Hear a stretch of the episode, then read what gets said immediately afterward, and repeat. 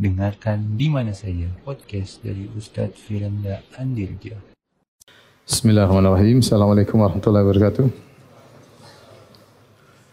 Alhamdulillahi ala ihsani wa syukru lahu ala taufiqihi wa amtinani. Asyadu an la ilaha illallah wahdahu la syarika lahu ta'ziman li sya'ni. Wa asyadu anna muhammadan abduhu wa rasuluh da'ila ridwani. Allahumma salli alaihi wa ala alihi wa ashabihi wa ikhwani. Uh, hadirin dan hadirat yang dirahmati Allah Subhanahu wa taala, kita lanjutkan bahasan kita dari Syarah Al-Aqidah Al-Wasithiyah. Uh, kita akan bahas beberapa ayat yang dibawakan oleh Syekhul Islam Ibn Taimiyah rahimahullah taala yang menekankan tentang pentauhidan kepada Allah Subhanahu wa taala ya bahwasanya hendaknya Allah disifati dengan sifat-sifat yang agung dan dijauhkan dari sifat-sifat yang uh, tercela ya. Ayat yang pertama dalam surat At-Taghabun Allah Subhanahu wa taala berfirman yusabbihu lillahi ma fis samawati ma fil ard lahul mulku wa lahul hamdu wa huwa ala kulli syai'in qadir. Surat At-Taghabun yang pertama yusabbihu lahu yusabbihu lillahi ma fis samawati ma fil ard lahul mulku wa lahul hamdu wa huwa ala kulli syai'in qadir. Ayat yang pertama dibawakan oleh Syekh Islam Taimiyah ya. Di antara surat-surat yang disebut dengan surat-surat Al-Musabbihat. Surat-surat Al-Musabbihat itu surat-surat dibuka dengan yusabbih atau sabbaha ya. Ya. Uh, di antaranya surat At-Taghabun, yusabbihu lillahi ma fis samawati wa ma fil ard, bertasbih kepada Allah seluruh apa yang di langit, ma fil ard seluruh apa yang di bumi, Lahul mulku wa lahul hamdu bagi Allah segala kerajaan dan bagi Allah segala pujian. Wa huwa ala kulli syai'in qadir. Dia Maha kuasa atas segala sesuatu. Tasbih ya secara bahasa ya.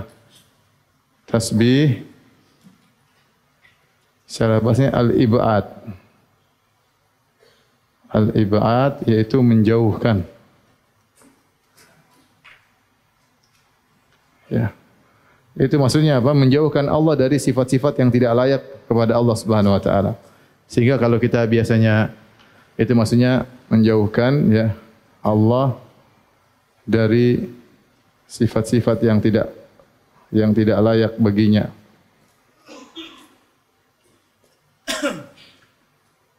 Maka biasanya kita terjemahkan dengan kata mensucikan ya. Maha suci. Maka tasbih ya. Tasbih cakup dua yaitu uh, tanzihullah anil uyub wan naqais itu mensucikan Allah dari ya segala aib dan kekurangan.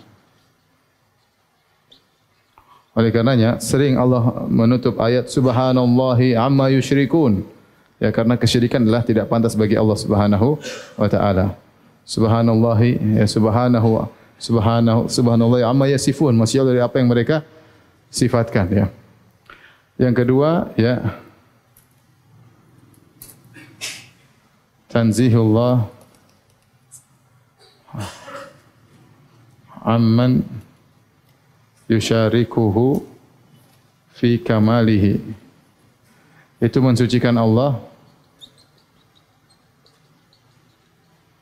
dari sesuatu yang menyerupai Allah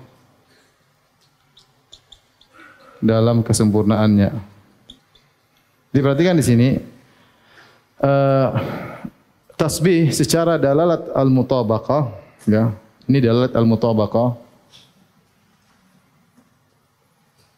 Kita sudah pernah bahas kalau masih ingat al-mutabaqah secara bahasa namanya tasbih itu mensucikan Allah dari segala aib dan kekurangan. Allah mensuci dari segala aib dan kekurangan. Namun kita tahu bahwasanya namanya ini nafyu mujmal ini apa? an-nafyu al-mujmal. Dan kita tahu bahwasanya penafian semata tidak menimbulkan pujian kepada Allah, ya. Maka melazimkan melazimkan uh, bahwasanya Allah Maha sempurna. Maka dengan bidalalati al-iltizam ya ya, ya dulu ala anna Allah uh, kamil ya dengan kelaziman menunjukkan Allah Maha sempurna. Jelas ini kalau secara bahasa tasbih artinya Allah suci dari segala kekurangan dan aib. Nah, kalau Allah suci dari kekurangan dan aib, kelazimannya berarti Allah Maha sempurna, faham? Kelazimannya Allah Maha sempurna. Maka menunjukkan Allah Maha sempurna dengan kalimat tasbih dengan dalatul iltizam dan menunjukkan Allah bersih dari segala kekurangan dengan dalatul mutabaqah. Masih ingat atau tidak? Masih ingat ya? Kita bilang rumah, kelazimannya berarti ada yang bangun, ya. Adapun rumah yang menunjukkan ya rumah itu sendiri. Ya. Dalatul mutabaqah, dalatul iltizam. Tapi ini yang saya ingin jelaskan kalimat tasbih. Kita subhanallah. Apa maknanya? Subhanallah maknanya ini. Subhanallah, maha suci Allah. Maksudnya apa? Maha suci Allah dari segala kekurangan dan aib. Kalau Allah masih dari segala kekurangan dan aib, berarti Allah maha sempurna. Nah, tasbih yang kedua, mana yang kedua, dalam kesempurnaannya tersebut, tidak ada yang menyerupai Allah dalam kesempurnaannya tersebut. Allah bersendirian dalam kesempurnaannya. Itu Allah bersendirian dalam kesempurnaan, dalam dalam sifat-sifat yang sempurna. Ya. Allah Maha mendengar, tidak ada yang menyerupai Allah dalam pen, Maha pendengarannya. Allah Maha melihat, tidak ada yang menyerupai Allah dalam dalam penglihatannya. Maka di sini Allah disucikan dari ya Allah ya Allah disucikan dari syarik ya kemudian masil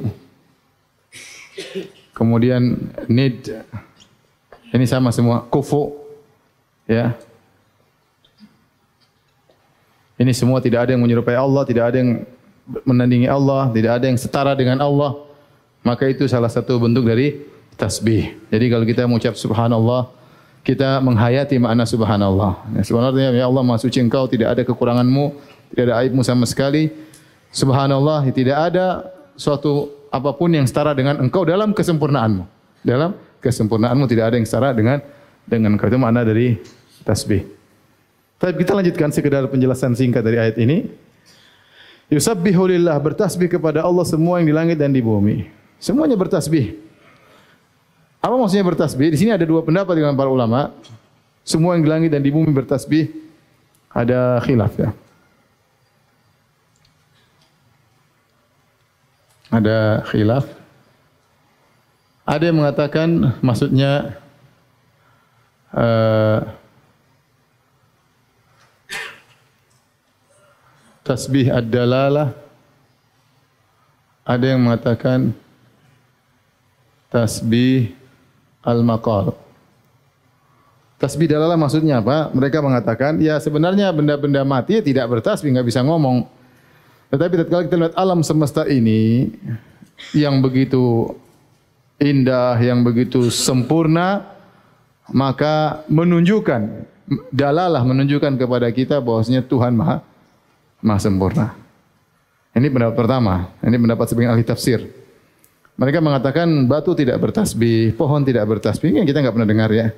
Tetapi maksudnya pohon-pohon, batu-batu, ikan-ikan, semua benda di langit dan di bumi bertasbih, bintang-bintang, meteor semua bertasbih. Maksudnya kita dengan melihat benda-benda tersebut menunjukkan kepada kita bahwasanya penciptanya maha kuasa. Kenapa? Karena kesempurnaan makhluk menunjukkan yang menciptakan lebih apa? Sempurna. Faham? Itu namanya tasbihul dalalah. Pendapat yang kedua, enggak. Tasbihul maqal. Benar-benar bertasbih. Benar-benar bertasbih. Dan ini pendapat yang lebih kuat. Karena Allah berfirman, Wa im min syai'in illa yusabbihu bihamdihi walakin la tafqahuna tasbihahum. Kata Allah, tidak ada satupun kecuali bertasbih kepada kepada Allah walakin la tafqahuna tasbihah maka tapi kalian tidak mengerti tasbih mereka. Berarti mereka bertasbih tapi kita tidak tidak mengerti. Kalau tasbih sudah lala kita paham berarti. Semua ngerti maksudnya uh, gerakan matahari, gerakan ini, kemudian sempurnanya makhluk-makhluk Allah menunjukkan sang pencipta maha suci. Kita bilang subhanallah. Subhanallah. Kita kadang lihat ke makhluk yang indah, kita bilang subhanallah. Lihat air terjun yang indah, subhanallah. Karena keagungan ini makhluk menunjukkan agung sang pencipta. Itu namanya tasbihud dalal. Tapi ini pendapat kurang kuat. Yang benar, bahwasanya benar-benar makhluk-makhluk itu bertasbih. Cuma kita tidak ngerti. Itu yang benar. Oleh karenanya, sebagian benda-benda mati memang berbicara seperti di zaman Nabi SAW dihidangkan makanan di hadapan para sahabat maka mereka mendengar tasbihu ta'am makanan bertasbih didengar oleh Nabi dengar oleh para sahabat kemudian Nabi SAW ketika berkhutbah kemudian biasanya berkhutbah di bersandar kepada sebuah batang korma kemudian waktu dibikin mimbar Nabi tinggalkan batang korma tersebut batang tersebut yahin merintih menangis seperti anak bayi terdengar suaranya oleh para sahabat ya menunjukkan bahwasanya Allah bisa bisa saja memberikan perasaan kepada sebagian makhluk. Seperti kisah Nabi Musa. Nabi Musa alaihissalam mandi, dia taruh baju di batu, tahu-tahu batunya pergi. Maka Nabi Musa kejar, eh batu, bajuku. Nabi Musa keluar dari sungai, kejar sambil tidak bercelana. Kemudian mengejar. Kisahnya panjang, intinya demikian ya. Ya, demikian juga Nabi berkata, "Hadza Uhudun jabalun yuhibbuna wa yuhib wa nuhibbuhu." Ini gunung Uhud gunung yang mencintai kita dan kita pun mencintainya. Intinya Allah mengatakan walakillah tafqahuna tasbihahum. Mereka punya cara tasbih sendiri, namun kalian tidak paham bagaimana cara tasbih mereka ya. Ya, bahkan di zaman Nabi Daud alaihissalam burung-burung berkumpul ikut bertasbih bersama Nabi Daud alaihissalam. Burung hutut bisa ngomong sama Nabi Sulaiman kalau kita dengar kita enggak paham tapi Nabi Sulaiman paham apa yang dikatakan apa burung hutut semut ngomong kita enggak paham ya tapi Nabi Sulaiman tahu apa yang diucapkan oleh apa semut-semut tersebut. Intinya yang yang benar bahwasanya tasbihul maqal mereka benar-benar bicara tapi bagaimana caranya Allah alam besok. Semua di langit ini bertasbih kepada Allah. Walahul hamdu ya di sini walahul hamdu. Alhamdu kalau ini adalah ifbat al-mujmal. Ini si an-nafyul mujmal tasbih. Tasbih ini an-nafyul mujmal. Kalau alhamdu ini al-isbat al-mujmal. Dengan kita memuji Allah berarti kita sedang menetapkan sifat-sifat kesempurnaan bagi Allah secara sempurna. Karena Allah tidak dipuji kecuali karena sifat-sifatnya yang apa? Sempurna. Kalau ini isbat. Ya. Kenapa Allah tidaklah dipuji? Melainkan karena apa? sifat-sifatnya yang yang sempurna. Ini salah satu kenapa kita muji Allah. Yang kedua, karena karunia yang Allah berikan kepada kita. Anugerahkan. Jadi kalau kita mengucapkan Alhamdulillah, hadirkanlah dalam diri antum dua perkara ini. Alhamdulillah. Maksudnya Allah memiliki sifat-sifat yang maha sempurna. Dia lah yang maha mendengar, dia malah melihat, dia memberi rizki. Dia yang maha menjaga, dia yang maha menolong. Dia yang maha segalanya itu dalam termasuk dalam Alhamdulillah. Yang kedua, karena kita diberi rizki, kita diberi penglihatan, diberi kesehatan, diberi anak, diberi istri, diberi rumah, ya, dan yang lainnya, ya, maka kita memuji Allah Alhamdulillah. Jangan lupa kalau bilang Subhanallah, Subhanallah, Subhanallah, hadirkan makna tersebut. Beda kualitas pahalanya beda. Alhamdulillah, alhamdulillah, alhamdulillah. Inilah metode dalam dalam surat ini dalam ayat ini ya, simpulannya ya, dalam ayat ini simpulannya Allah ya menggabungkan antara An-nafyu penafian dan al-isbat penetapan. Dan ini adalah tauhid. Adalah metode tauhid. Sama seperti La ilaha illallah. Tidak ada yang berhak disembah kecuali Allah. Ya. Tidak ada yang berhak disembah. Ini nafiu. Tidak ada yang berhak disembah. Illa Allah ini apa? Al is isbat. Jika tauhid digabungkan antara nafi wal isbat maka sempurnalah ya. Makanya dalam tasbih subhanallah bihamdihi. Antara tasbih dengan apa? Alhamdulillah. Maksudnya Allah dari segala kekurangan, maha sempurna Allah dari sifat-sifatnya. Ada nafi, ada apa? Isbat. Paham atau tidak? InsyaAllah ya. Kalau enggak paham terlalu. Ini mukaddimah terakhir mulai pekan depan mulai masuk masalah istiwa, masalah arsh, masalah uluwullah, masalah syubhat-syubhat ya. Ini kemarin semua mukaddimah ya.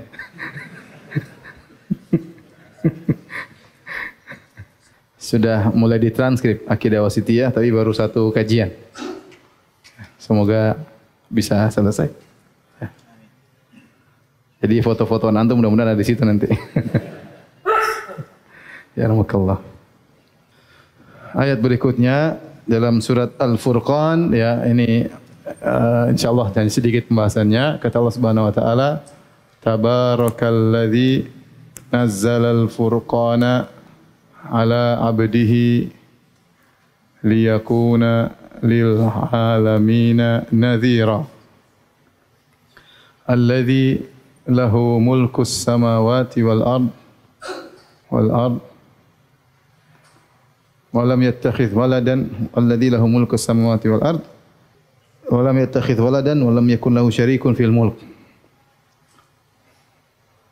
ولم يتخذ ولدا ولم يكن له شريك في الملك وخلق كل شيء فقدره تقديرا Aqaddarahu taqdira. Ya, ini surat Al-Furqan. Tapi kita bahas tabarakalladzi, tabarak sebagaimana pernah kita jelaskan yaitu azuma khairuhu yaitu yang maha agung keberkahannya, kebaikannya. Ya. Yang maha agung dan banyak keberkahan dan kebaikannya. Itu tabarak dari berkah. Berkah itu adalah kasratul khair. Banyaknya kebaikan dan menetap. Allah subhanahu wa ta'ala maha baik. Ya. Tabarakalladhi nazzal al-furqan. Kemudian di antara kebaikan Allah adalah menurunkan Al-Quran. Di antara kebaikannya, kebaikan Allah yang agung adalah adalah menurunkan Al-Quran. Makanya dalam surat An-Nahl yang disebut oleh para ulama dengan surat An-Ni'am, surat yang isinya Allah sebutkan banyak kenikmatan. Di awal kenikmatan yang Allah sebutkan, ata amrullah fala tasta'jilu subhanahu wa ta'ala amma yusyrik amma yusyrikun yunazzilul malaikata birruhi. Allah menurunkan malaikat dengan bawa Al-Quran. Nikmat yang paling apa? Pertama. Jadi nikmat paling besar adalah kita ada Al-Quran subhanallah. Al-Quran pelipur lara, ya, penghilang kesedihan, peningkat iman, ya, e, menghilangkan gundah gulana, ya subhanallah. Kalau orang dekat dengan Al-Quran, maka dia merasakan kenikmatan yang luar yang luar biasa. Ini bukan bahasa basi, ini kenyataan. Orang dekat dengan Al-Quran, sering baca, dia pahami maknanya, dia merasakan kebahagiaan yang luar biasa, yang tidak dirasakan oleh banyak orang. Al-Quran ya. Al-Quran. Nazzal al-Furqana. Al-Furqan, Al-Quran karena dia disebut Al-Furqan membedakan antara hak dan batil. Ala abdihi yaitu Rasulullah sallallahu alaihi wasallam. Abdihi maksudnya Nabi sallallahu alaihi wasallam. Nabi sallallahu alaihi wasallam memiliki dua sifat. Sifat al-ubudiyah dan sifat ar-risalah. Yang kedua-duanya adalah tempat memuji Nabi sallallahu alaihi wasallam. Makanya wa ashhadu anna Muhammadan abduhu wa rasuluh. Aku bersaksi bahwasanya Muhammad adalah hamba Allah dan apa? Rasulnya. Kenapa disifatkan oleh ubudiyah? Karena dia adalah manusia yang terbaik dalam beribadah kepada Allah. Maka ini pujian bagi Nabi wasallam. Di sisi lain dipuji dari risalah, dia utusan Allah Subhanahu wa taala yang membawa wahyu, yang menyampaikan risalah Allah Subhanahu wa taala. Maka kita harus memuji Nabi dari dua sisi ini. Bahkan dalam kondisi-kondisi genting, Allah memuji Nabi dari sisi ubudiyahnya. Seperti dalam surat ini, Tabarakalladzi nazzala al-furqana ala abdihi Maha suci Allah yang menurunkan Al-Quran kepada hambanya. Seperti juga Subhanalladzi asra bi 'abdihi lailan minal masjidil haram ilal masjidil aqsa alladzi barakna haulahu linuriyahu min ayatina. Maha suci Allah yang menjalankan hambanya. Allah tidak mengatakan Maha suci Allah yang menjalankan rasulnya. Jadi Allah terkadang memuji Rasulullah, memuji Nabi Muhammad SAW sebagai seorang rasul dan terkadang Allah memuji Nabi sebagai seorang apa? hamba. Karena dialah yang paling sempurna menjalankan penghambaan kepada Allah Subhanahu wa taala. Di antaranya ayat ini di antara lagi firman Allah apa? Surat Al-Isra. Subhanalladzi asra bi abdihi. Maksudnya Allah yang telah ya, ya menjalankan hambanya ya. In kuntum fi raibim mimma nazzalna. Kuntum fi raibim mimma nazzalna ala abdina fa'tu bi surati mithlihi. Ini abdina sama pujian wa annahu lamma qama abdullah wa annahu lamma qama abdullah yad'uhu kanu kadu yakunu alaihi libadah dalam surat uh, apa namanya ikra ya nabi dipuji dengan sebagai hamba Allah ya Nah orang-orang yang berlebihan kepada Nabi sampai mengangkat Nabi sebagai derajat Tuhan itu salah, itu tidak muji Nabi. Tidak memuji Nabi. Nabi terpuji karena dia sebagai seorang apa? Hamba. Bagaimana Nabi sholat sampai kakinya bengkak-bengkak? Ya, dia dipuji sebagai seorang hamba. Dialah hamba yang paling sempurna menjalankan penghambaan peribadatan kepada Allah Subhanahu Wa Taala. Lil alamina maksudnya Nabi SAW diutus untuk seluruh umat bahkan jin. Ya, bahkan jin.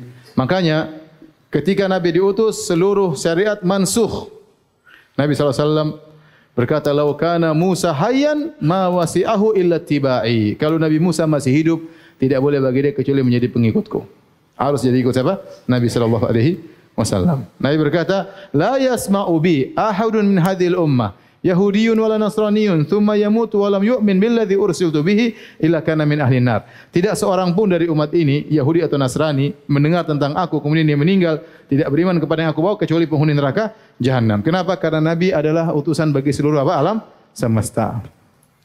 Alladzi lahu mulku samawati wal ardh. Dialah Allah yang memiliki kerajaan langit dan kerajaan bumi. Walam yattakhidh waladan. Ini sudah kita bahas pada pertemuan kemarin Allah tidak mengambil apa? Anak. Walam yakun lahu syarik. Allah juga tidak punya setara dengan Allah Subhanahu wa taala ya. Wa khalaqa kulla syai'in faqaddarahu taqdira. Ini kira-kira berkaitan dengan ayat ini. Di antaranya di sini ada penafian Allah tidak punya anak ya. Allah tidak punya syarik sebagai penyempurna dari pembahasan tasbih. Tapi kalau sudah tolong dihapus. Surat berikutnya ini juga masih menjelaskan kesempurnaan sifat Allah. Kata Allah Subhanahu wa taala, "Mat takhadallahu min waladin wa ma kana ma'ahu min ilahin idzan la dhahaba la dhahaba kullu ilahin bima khalaqa wala ala ba'dhum ala ba'd. Subhanahu subhanahu wa ta'ala amma yusyrikun amma yasifun. Ya. Dalam surat al-mu'minun. Subhanallah amma yasifun. Subhanallah amma yasifun. Taib, perhatikan di sini adapun ayat berikutnya sama masih menjelaskan kesempurnaan Allah dan penafian yang ingin mengganggu keesaan Allah dalam kesempurnaannya. Ya, ayat-ayat tadi kita bawa untuk menyempurnakan bahasan Allah tidak ada yang sama dengan Dia dalam kesempurnaannya. Yang pertama adalah Allah tidak punya anak ya. Mattakhadallahu min waladin ini sudah kita bahas, sudah dibahas ya pada pertemuan kemarin ya. Taib wa ma kana ma'ahu min ilah. Tidak ada Tuhan lain bersamanya.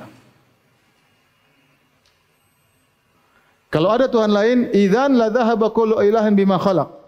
Kalau ada kalau ada Tuhan lain, maka masing-masing akan pergi dengan ciptaannya. Atau yang kedua wala ala ba'dhum ala ba'd atau yang kedua yang lain mengungguli yang lainnya, yang satu mengungguli yang lainnya akan mengungguli lainnya, mengalahkan atau mengungguli, menundukkan yang lainnya. Tuhan yang lainnya. Baik. Subhanallah ya amma yasifun. Maksudnya Allah dari apa yang mereka sifatkan. Ini sudah tidak perlu kita bahas. Sekarang Allah sebutkan agar kita berfikir. Ini ada sebut dengan istilah dalil tamanu. Dalil at-tamanu. Ya. Istilah saja. Ya. Nanti akan saya jelaskan maksudnya apa. Ya. Uh, kata Allah, Allah tidak ada Tuhan bersamanya. Kalau ada yang bersamanya, tentunya berarti ada dua Tuhan, ya kan? Yang satunya sibuk dengan ciptaan, yang satunya sibuk dengan apa? Ciptaannya. Atau dua Tuhan ini tengkar. Yang kemudian berikutnya dua apa? Tengkar dan akan menang salah salah satunya. Taib. Ini semua kalau kita mau bahas ya, maka kalau ada dua Tuhan, maka ada tiga kemungkinan. Kemungkinan pertama mereka bekerja, mereka berdua bekerja sama. Saling tolong menolong. Ya. Tolong menolong. Yang kedua, mereka saling berselisih, tengkar. Yang ketiga, ya, masing-masing sibuk dengan makhluknya masing-masing bersendiri sibuk dengan ciptaannya ciptaan masing-masing Taib uh, Kalau mereka berdua bekerja sama, ya, Kelazimannya apa? Kelazimannya berarti masing-masing tuan enggak mampu, harus butuh dengan yang lainnya. Kelazimannya berarti masing-masing Tuhan tidak mampu sehingga membutuhkan yang lain. Kalau begitu, masing-masing tidak pantas jadi Tuhan.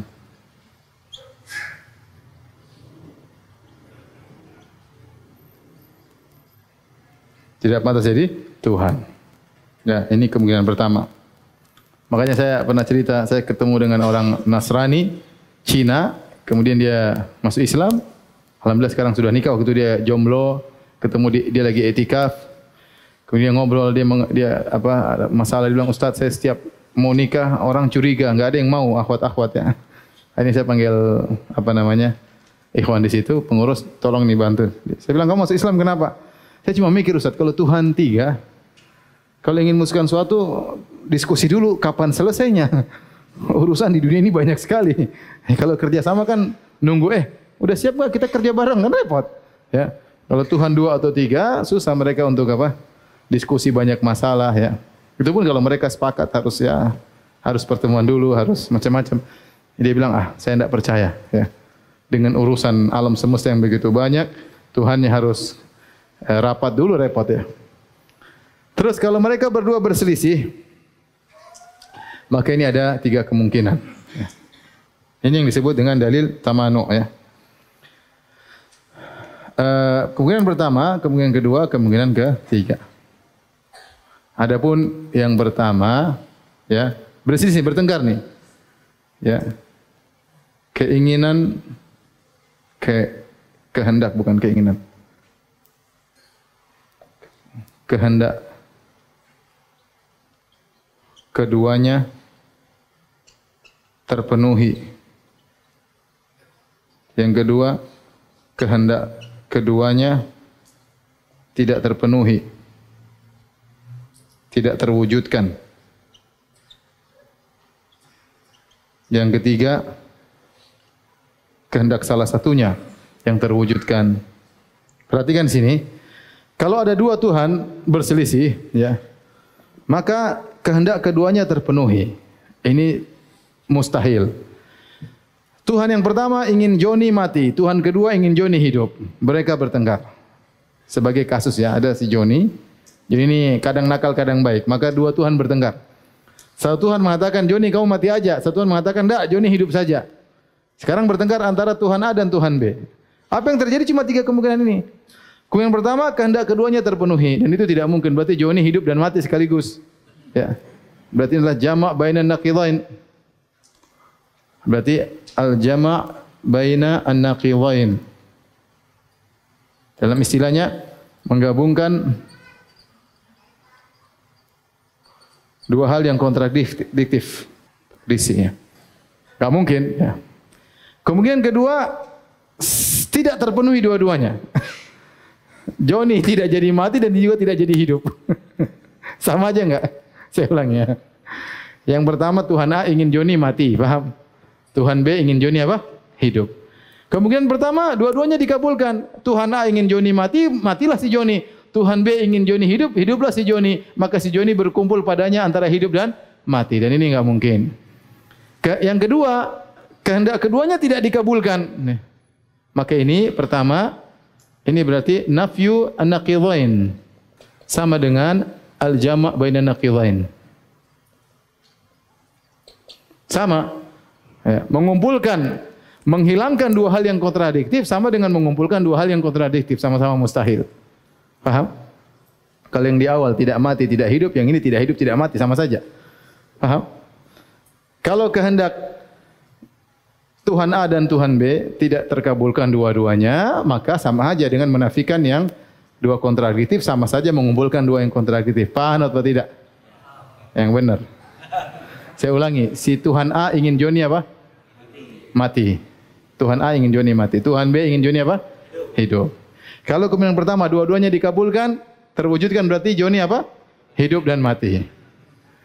Kemungkinan kedua, dua-duanya tidak terwujudkan, berarti Joni mati dan hidup. sama saja. Nafyu naqidain sama dengan jamak maitin sama dengan mustahil. Yang kedua, kalau tidak terkabulkan, tidak terwujudkan yang tidak pantas jadi Tuhan. Jadi Tuhan kok keinginannya tidak terpenuhi gitu loh. tidak pantas jadi apa? Tuhan. Paham? Tinggal yang ketiga, kehendak salah satunya terwujudkan, maka dialah yang berhak, dialah yang the winner siap jadi Tuhan. Tuhan satunya sudah tewas. Dia yang jadi Tuhan. Maka Tuhan tetap harus apa? Satu. Paham? Paham tidak? Tapi kemungkinan ketiga, masing-masing berdiri sibuk dengan ciptaannya masing-masing. Tuhan A punya ciptaan, Tuhan B punya ciptaan. Mereka sudah kita saling hormat menghormati. Antara Tuhan dan Tuhan B saling apa? Menghormati sudah tidak usah saling mengganggu, masing-masing sibuk dengan apa? Kekuasaannya. Ini kenapa? Ini juga mustahil. Ini mustahil. Kenapa mustahil? Siapa yang bisa jawab? Kenapa mustahil? Karena kenyataan menunjukkan kemustahilan. Seandainya ada dua Tuhan, pasti alam semesta berbeda-beda modelnya. Pasti ada, uh, di sana sebelah sana matahari, sebelah timur, sebelah, pasti ada hal yang berbeda-beda ya. Maka karena ya alam semesta ya apa namanya teratur semuanya. Hmm. Ma tara min khalqi ma tara fi khalqillah min tafawut. Kata Allah, ma tara fi khalqillah min tafawut. Ya, kalau ada dua, kemudian pasti sistem dua sistem yang berbeda. Tapi kita tahu alam semesta di ujung barat sampai timur semuanya apa? Sistemnya apa? Sama. Manusia dulu ya begitu-begitu saja ya. Tapi inilah uh, pembahasan bahwasanya Tuhan hanya cuma satu. Kalau sudah tolong hapus. Ayat berikutnya surat An-Nahl kata Allah Subhanahu wa taala, "Fala tadribu lillahil amsal." Inna Allah ya'lamu wa antum la ta'lamun. Janganlah kalian membuat amsal kepada Allah Subhanahu wa taala. Apa makna amsal? Amsal secara umum, al-amsal secara umum ditafsirkan menjadi dua, yaitu al-awsaf wan nu'ud. Itu artinya sifat-sifat. Itu jangan kalian membuat sifat-sifat bagi Allah karena Allah lebih tahu tentang dirinya. Yang kedua, jangan membuat perumpamaan kepada Allah atau apa? kias atau analogi. Ya, ini maksudnya. Maka dua-duanya mm, Allah larang jangan sampai seorang menganalogikan Allah dengan apa? makhluk, menyamakan Allah dengan makhluk, ya. Mengatakan Allah punya anak atau Allah punya sahibah, punya istri atau ada yang menyamai Allah Subhanahu wa taala, ya, maka tidak diperbolehkan. Atau janganlah kalian beri sifat-sifat kepada Allah yang kalian tidak tahu. Allah lebih tahu tentang apa? sifat-sifatnya. Allah lebih tahu tentang sifat-sifatnya. Dan ini keduanya adalah bantahan kepada Mu'attilah. Ini dua hal bantahan kepada para penolak sifat. Al-Mu'attilah para penolak sifat. Ya. Karena mereka berbicara tentang Allah tanpa ilmu. Bicara tanpa Allah mereka bicara tentang sifat-sifat Allah tanpa ilmu. Mereka berani mengatakan Allah tidak punya ini, Allah tidak bisa ini. Allah Allah punya tangan kata mereka tidak, Allah tidak punya tangan. Allah punya wajah kata mereka Allah tidak punya wajah. Allah bilang Allah cinta, Allah tidak mencintai. Mereka berani ngomong tentang sifat-sifat Allah. Paham? Padahal yang lebih tahu tentang Allah, Allah apa siapa? Ya Allah yang lebih tahu tentang sifat-sifatnya. Kalau Allah bilang Allah rahmat ya kita bilang rahmat. Oh Allah enggak bisa rahmat maksudnya menghendaki. Rahmat maksudnya menghendaki. Allah mencintai. Oh enggak bisa Allah mencintai. Allah tidak mencintai dan Allah tidak bisa dicintai. Mereka berani ngomong demikian. Ya. Kita bilang yang lebih tahu tentang Allah, ente apa Allah? Allah lebih tahu tentang sifat-sifatnya. Kalau Allah bilang ini tinggal imani saja, apa susahnya? Paham?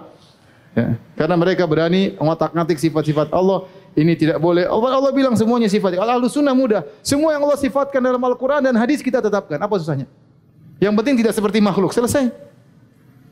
Tidak perlu ditakwil, tidak perlu di ini, tidak perlu di anu. Tapi mereka tidak. Oh ini enggak masuk akal, harus begini ini enggak masuk akal, ini ditolak, ini ditolak, ini ditakwil, ini ditakwil macam-macam. Yang kedua, tidak boleh kita menganalogikan Allah dengan Allah dan menamakan Allah dengan makhluk, menyamakan Allah dengan makhluk. Dan ini juga dilakukan oleh ahlul bidah dengan dua model kias ya namanya kias tamthili sama kias syumuli ya. Aduh saya mau jelaskan juga antum. Kias tamsili itu menamakan antara satu dengan yang lainnya. Seperti contoh sederhana menyamakan antara misalnya uh, korma dengan beras sama-sama bayar zakat misalnya ya atau menyamakan suatu dengan yang lainnya ya. Nah ini mereka kerjakan kias tamsili ini dilakukan ahlul bidah seluruhnya karena mereka pasti para penolak sifat penolak sifat mereka ya mereka menyama, menyamakan Allah dengan makhluk sebelum menolak sifat. Menolak sifat. Dan hasilnya pun hasilnya pun ya eh, tamsil juga sama ya. Contoh. Contoh ya. Ar-Razi dari imamnya Asy'ariyah tatkala menolak Allah di atas arsy sebelum dia menolak dia mengatakan kalau ars Allah di atas arsy berarti Allah lebih kecil daripada arsy berarti Allah butuh kepada arsy kalau arsy-nya jatuh Allah juga ikut jatuh itu kalau manusia paham jadi berarti Allah tidak ada tidak di atas arsy jadi sebelum dia menolak dia permisalkan Allah juga dengan apa makhluk contoh Allah tidak punya tangan kalau Allah punya tangan berarti tangannya begini sama berarti sebelum dia nolak dia sudah memang menganalogikan dalam otaknya. Kita Allah sunnah jelas Allah punya tangan-tangan tidak seperti kita selesai apa urusannya? Apa susahnya? Jadi mereka mu'atilah ini semuanya sebelum mereka menolak sifat mereka mengkiaskan terlebih dahulu. Paham? Itu contohnya. Nanti ujung-ujungnya mereka juga mentamsil. Ujung-ujungnya berarti antum menyamakan Allah dengan zat yang tidak bertangan. Antum menyamakan Allah dengan sesuatu yang kurang. Menyamakan Allah dengan sesuatu yang naqs, sesuatu yang kurang. Sama seperti Jahmiyah. Jahmiyah mengatakan Allah tidak punya ente Asy'ariyah Mu'tazilah menetapkan sifat-sifat berarti ente tasbih. Kalau kita Jahmiyah Allah tidak punya sifat, selesai. Mu'tazilah Allah tidak punya sifat. Kenapa kalau kita tetapkan sifat berarti kita menyamakan Allah dengan makhluk. Dalam benak mereka mereka sudah menyamakan Allah dengan makhluk. Hasilnya apa? Hasilnya Allah tidak ini, tidak ini, tidak ini, tidak ini, tidak ini sama Allah dengan sesuatu yang tidak ada. Apa bedanya Tuhanmu dengan Allahmu dengan sesuatu yang tidak ada? Bedanya apa? Sama-sama tidak ini, tidak ini, tidak melihat, tidak mendengar, tidak ini, tidak sama bedanya tidak ada. Jadi sebelum mereka menolak, mereka mentasbih, hasilnya juga men mentasbih. Atau kias sumuli, seperti mereka bicara tentang masalah ajsam ya, kalau makhluk bersifat berarti makhluk berjism. Kalau Allah punya sifat juga berarti berjism sementara al ajsam mutamathilah. Antum enggak usah nyatat lah ini sudah pernah kita bahas ya. Enggak apa-apa enggak perlu tahu ya. Saya cuma nyampein aja. Sudah azan kah? Baik azan deh. Hadirin dan hadirat Allah Subhanahu wa taala. Jadi yang dilarang kepada Allah adalah dua kias kias tamsili dan kias syumuli. Kias tamsili itu apa? Adalah apa istilahnya? Uh, apa namanya?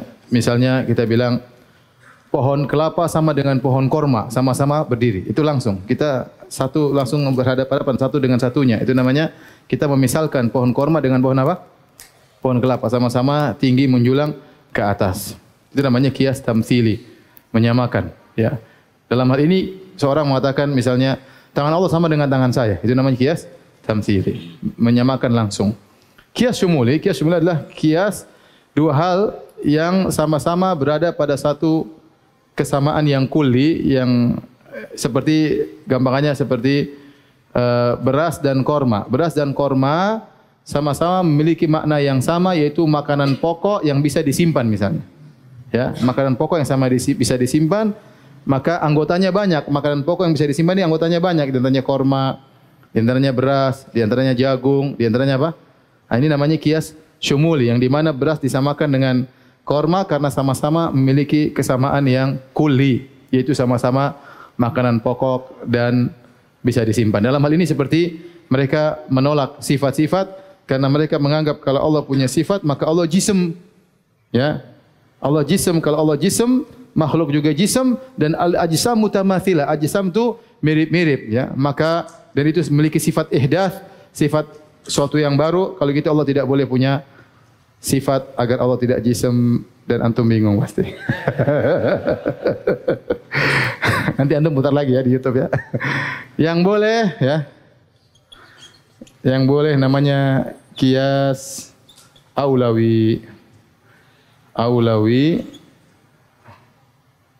uh, maksudnya kias analogi lebih Allah lebih utama. Ini boleh. Seperti firman Allah Subhanahu wa taala wa amma wa amma adun fastakbaru fil ardi bighairil haqq wa qalu man ashaddu minna quwwah awalam yarau anna Allah alladhi khalaqahum huwa ashaddu minhum quwwah Adapun kaum Ad mereka sombong mereka mengatakan mereka sombong tanpa hak di atas muka bumi kata mereka siapa yang lebih kuat daripada kami Maka Allah mengatakan, Allah tentu lebih kuat, lebih utama untuk kuat daripada kalian. Kenapa lebih utama? Karena Allah yang ciptakan kalian. Awalam yarau anna Allah alladhi khalaqahum. Tidakkah mereka tahu bahwasanya Allah yang menciptakan mereka lebih kuat daripada mereka? Namanya kias aulawi. Seperti Nabi SAW mengatakan, waktu Nabi melihat seorang ibu memeluk anaknya, kata Nabi, Lallahu arhamu. Kalau ibu ini sayang kepada anaknya, Allah lebih utama untuk sayang kepada kalian. Itu namanya analogi apa? Kias aulawi. Itu tidak mengapa seperti itu. Yang tidak boleh adalah kias tamsili sama kias apa? Syumuli. Ya sudahlah, pokoknya antum sudah paham ya. Ayat yang terakhir ya. Dalam surat Al-A'raf, "Qul inna ma harrama rabbi al-fawahisha ma dhahara minha wa batana wal ithma al-baghya uh, wa an tusyriku billahi ma lam yunzil bihi sultana wa an taqulu Allahi ma la ta'lamun." Dalam surat Al-A'raf tersebut Allah menyebutkan hal-hal yang Allah haramkan, kemudian di ujungnya Allah berkata, wa an taqulu 'ala Allahi ma la ta'lamun. Di antara tingkat keharaman yang parah di antaranya kalian berkata tentang Allah apa yang kalian tidak ketahui. Maka hati-hati kita ini ini ini uh, mencakup mencakup mencakup zat dan sifat-sifat Allah dan juga mencakup syariat-syariat Allah. Tidak boleh seorang berbicara tanpa ilmu. Tidak boleh orang berfatwa tanpa ilmu. Kalau syariatnya saja bahaya, enggak boleh ngomong tanpa ilmu apalagi tentang sifat-sifat dan zat. Syariat Allah kita masih bisa analogikan. Karena Allah menurunkan syariat dengan hikmah. Apalagi yang ini saja pakai analogi tidak boleh kita bicara tanpa ilmu. Padahal syariat kan kita tahu ina ilahnya apa, sebabnya apa, tujuannya apa. Ya, apalagi bicara tentang zat dan Allah yang tidak bisa kita analogikan. Faham? Oleh karenanya lebih baik kita pasrah dan ini akidah ahlu sunnah lebih utama apa yang Allah tetapkan, apa yang Allah bilang kita beriman. Selesai mudah. Allah bilang punya sifat ini, punya sifat ini, punya sifat ini, kita tetapkan. Yang penting bukan seperti sifat apa? Makhluk. Tidak perlu kita ta'wil, tidak perlu kita tolak. Karena di antara dosa besar, antakulu ala Allahi mala ta'lamun. Kalian berbicara tentang Allah, apa yang kalian tidak ketahui. Ya. Uh, ya. Innama ya'murukum bis-su'i wal fahsya ya Allah menyebut tentang setan sungguhnya setan itu memerintahkan kalian untuk berbuat buruk dan keji wa antaqulu 'ala Allahi ma la ta'lamun agar kalian bicara tentang Allah tanpa ilmu. Jadi barang siapa yang berbicara tentang Allah tanpa ilmu dia ngikut setan ya. Ya. Dia mengikuti apa? Setan. Taib, demikian saja ah, kajian kita pada kesempatan kali ini. Insyaallah kita lanjutkan pekan depan. Apakah hari Jumat atau hari Sabtu nanti tunggu pengumuman selanjutnya ya. Allah alam bisawab. Apakah benar nama-nama Allah pasti mempunyai sifat, namun sifat-sifat Allah belum tentu, belum tentu mempunyai nama? Nama Ar-Rahman pasti punya sifat pengasih, adapun wajah tidak punya nama. Bukan masalah nama nama Allah pasti mengandung apa? Sifat. Adapun sifat Allah bukan tidak punya nama, sifat Allah tidak bisa diambil darinya, belum tentu bisa diambil darinya menjadi nama bagi Allah Subhanahu wa taala ya. Sifat Allah banyak, perbuatan Allah juga apa? Banyak ya. Tapi kalau nama Allah, tidak Allah Allah diberi dengan nama tersebut kecuali tidak Allah Allah bernamakan dengan nama tersebut kecuali karena ada sifat yang terkandung dalam nama tersebut. Allah mengatakan Allah Ghafur, ya, berarti Allah memiliki sifat apa? Ghufran, ya. Tapi Allah misalnya fantaqamna, kami pun membalas.